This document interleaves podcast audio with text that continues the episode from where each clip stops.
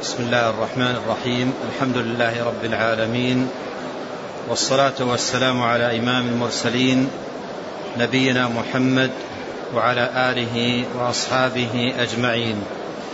أما بعد قال المصنف رحمه الله تعالى باب الصوم في السفر. قال وعن عائشة رضي الله عنها أن حمزة بن عمرو الأسلمي قال للنبي صلى الله عليه وسلم أأصوم في السفر وكان كثير الصيام. قال إن شئت فصم وإن شئت فأفطر. بسم الله الرحمن الرحيم.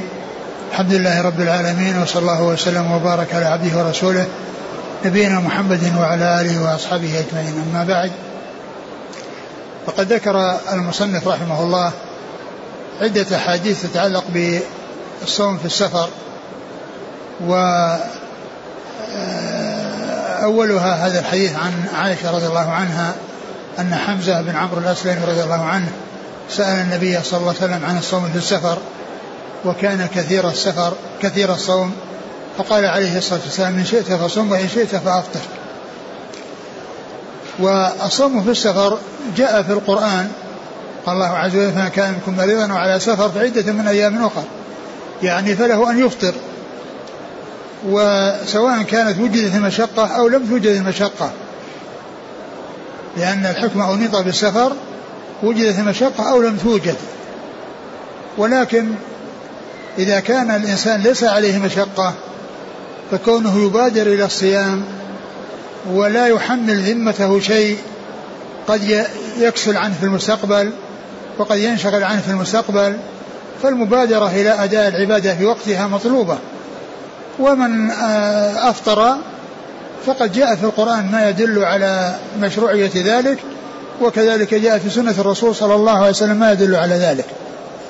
وهذا الحديث حديث عمرو بن عائشة في قصة عمرو حمزة بن عمرو الأسلمي رضي الله عنه يدل على آه، حرص الصحابة على العبادة وعلى آه، إكثارهم من الطاعات.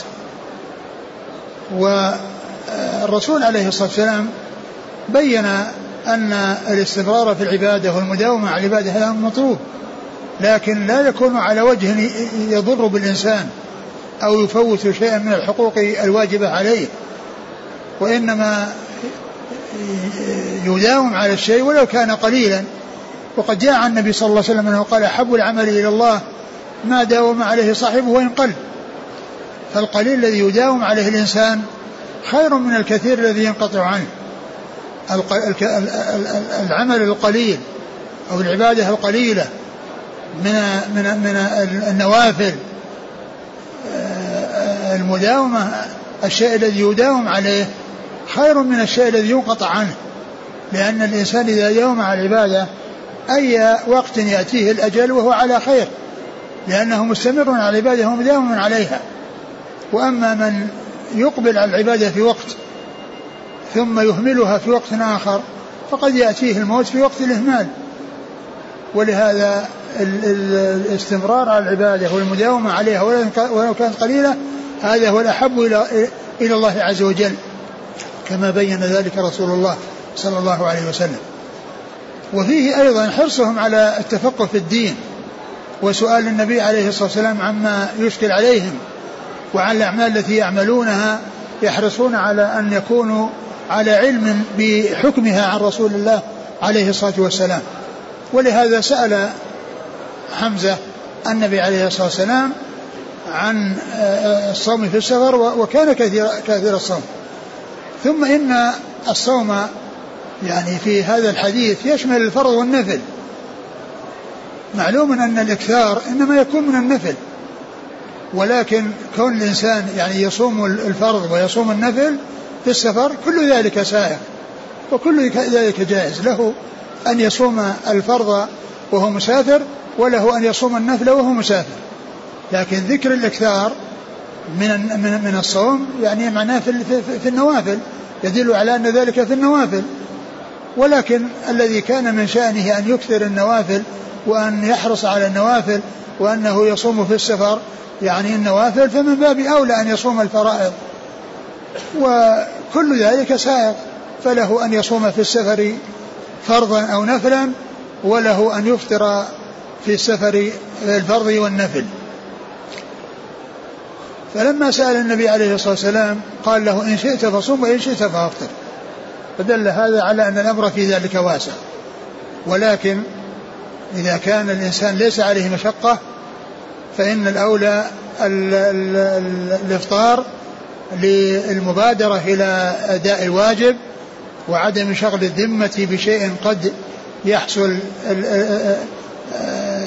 التأخير فيه أو تأخيره وتأجيله أو عدم المبادرة إليه. ف وإن كان أراد أن يفطر فله ذلك سواء كان شق عليه أو لم يشق. لكن إذا شق عليه فإن المطلوب منه أن يفطر لأنه جاء في الأحاديث جاء في بعض الأحاديث ما يدل على ذلك وهي مما سيذكره المصنف في في في, في هذا الباب. قال إن شئت فصوم وإن شئت فأفطر فدل هذا على أن هذا سائغ وهذا سائغ وأن الفرض صيام الفرض في السفر والإفطار كل منهما سائغ وأن صيام النفل والإفطار فيه في السفر كل ذلك سائغ وثابت عن رسول الله صلى الله عليه وسلم. نعم. أحسن الله إليكم. قال في بعض النسخ باب الصوم في السفر وغيره. من فيه بعض الأحاديث في الآخر. يعني شوف في الآخر يعني آخر حديث وشو؟ في الباب. يعني ذكر فيه 11 حديث. حديث أبي هريرة وعائشة وأنس آه، قال سئل عن الوصال. أي نعم. يعني نعم هذا ليس من السفر. ولهذا يعني ال ال ليس من من الصيام في السفر. ولهذا قال وغيره. يعني السفر وغيره. يعني ليس هذا الباب خاص من السفر وإنما فيه حيث السفر وغير السفر. وهذه طريقة يستعملها بعض المصنفين. وهي أنه آه، يعقد بابا ويأتي بالأحاديث الواردة في الباب ولكنه يأتي بأحاديث أخرى لا علاقة لها بالباب. فيضيف كلمة غيره حتى يعرف بأنه داخل في هذا الغير. ولو لم يذكر وغيره لقيل إن هذا الباب إن هذا الحديث لا علاقة له في الباب. وإرادة في الباب في هذا الباب يعني ليس له مناسبة. ليس له مناسبة لو لم يقل كلمة غيره لكن لما جاءت وغيره دخل فيها تلك الأحوال أو تلك المسائل التي لا علاقة لها بالسفر. قال رحمه الله تعالى عن أنس بن مالك رضي الله عنه قال كنا نسافر مع النبي صلى الله عليه وسلم فلم يعب الصائم على المفطر ولا المفطر على الصائم. ثم ذكر حديث أنس رضي الله عنه أنهم كانوا يسافرون مع النبي صلى الله عليه وسلم. وفيهم الصائمون وفيهم المفطرون. ولم يعب الصائم على المفطر ولا المفطر على الصائم. يعني ما عاب المفطر على الصائم صيامه ولا عاب الصائم على, على ما عاب الصائم على المفطر إفطاره ولا عاب المفطر على الصائم صيامه. وإنما كل ذلك حق. وكل ذلك جاءت به السنة عن رسول الله صلى الله عليه وسلم. فكانوا يسافرون مع النبي صلى الله عليه وسلم. قال كنا نسافر نعم. مع النبي. قال كنا نسافر مع النبي. نعم. كنا نسافر مع النبي. يعني في صلى الله عليه وسلم. فيكون فيهم الصائم وفيهم المفطر. ولا يعيب هذا على هذا ولا هذا على هذا. وهذا واضح في أنه في الفرض. لأن لأن النفل لا عيب فيه. ما يعاب. لأن الفرض هو الذي يعني آه، آه، فيه يعني فيه مجال لكون الإنسان وأما بالنسبة للنفل فالأمر فيه واسع. يعني قد يكون الإنسان صائم وهو لا يدري عنه لكن في رمضان في رمضان الناس فيهم من يصوم وفيهم من يفطر وهو مسافر. فما كان يعيب بعضهم على بعض. يعني معنى أن هذا ساق وهذا ساق والنبي صلى الله عليه وسلم كما في الحديث الذي بعد هذا كان في سفر وكان صائما. هو عبد الله بن رواحة والباقون, والباقون مفطرون. وهو مثل هذا الحديث. يعني يدل على حصول الصيام من من من البعض وحصول الإفطار من البعض و وأنه لا يعيب هذا على هذا ولا هذا على هذا. ثم إن التعبير بقوله كنا نسافر مع رسول الله صلى الله عليه وسلم هذا من حسن الأدب في العبارة وأنهم تبع للرسول عليه الصلاة والسلام. لأن قول كنا نسافر معه يعني نحن أتباع له تابعون له. ما قال كنا نسافر نحن ورسول الله صلى الله عليه وسلم. كنا نسافر نحن ورسول الله صلى الله عليه وسلم. وإنما يقول كنا نسافر مع الرسول صلى الله عليه وسلم. فهذا من من الأدب وحسن التعبير وحسن الأدب في العبارة مع الرسول صلى الله عليه وسلم. نعم. قال رحمه الله تعالى عن أبي الدرداء رضي الله عنه قال خرجنا مع رسول الله صلى الله عليه وسلم في شهر رمضان في حر شديد حتى أن كان أحدنا ليضع يده على رأسه من شدة الحر وما فينا صائم إلا رسول الله صلى الله عليه وسلم وعبد الله بن رواحة.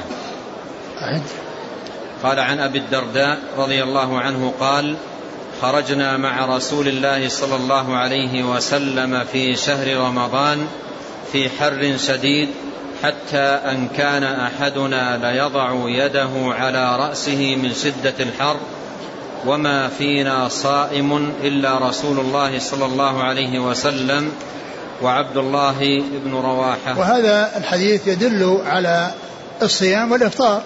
لأن الرسول صلى الله عليه وسلم صام رمضان وهو مسافر وعبد الله بن رواحة يعني كذلك مع الرسول عليه الصلاة والسلام صام وهو مسافر والباقون مفطرون. فدل على ما دل عليه الحديث الذي قبله. كان يسافر مع النبي صلى الله عليه وسلم فلم يعب الصائم على المفطر ولا المفطر على الصائم. يعني معناه فيهم الصائم وفيهم المفطر وهذا الحديث يدل على أن الرسول عليه الصلاة والسلام قد صام. قد صام شهر رمضان وهو مسافر في السفر ومعه عبد الله بن رواحة رضي الله عنه.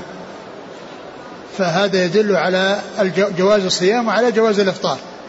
للإنسان أن يفطر وله أن يصوم. وفي هذا الحديث أيضا دلالة على أن ذلك الوقت كان حرا شديدا وأنه كان الواحد منهم يضع يعني يده على رأسه من أجل من حرارة الشمس. وكلهم مفطرون إلا رسول الله رسول الله صلى الله عليه وسلم وعبد الله بن رواحة. فهذا يدل على على على يعني على جواز هذا وجواز هذا. وأن الرسول عليه الصلاة والسلام جاء عنه قولا وفعلا. جاء عنه الصيام في السفر يعني قولا وفعلا. وكما عرفنا كل كل منهما سائغ وأن التفصيل الذي أشرت إليه هو الأولى إذا كان فيه إذا كان ليس فيه مشقة فالمبادرة إلى إبراء الذمة من الواجب هو الأولى وإن كان فيه مشقة فإن عدم المشقة على الإنسان والأخذ برخصة الله عز وجل هو الأولى. آه، أعد الحديث. قال عن أبي الدرداء رضي الله عنه قال خرجنا مع رسول الله صلى الله عليه وسلم في شهر رمضان في حر شديد حتى أن كان أحدنا ليضع يده على رأسه من شدة الحر.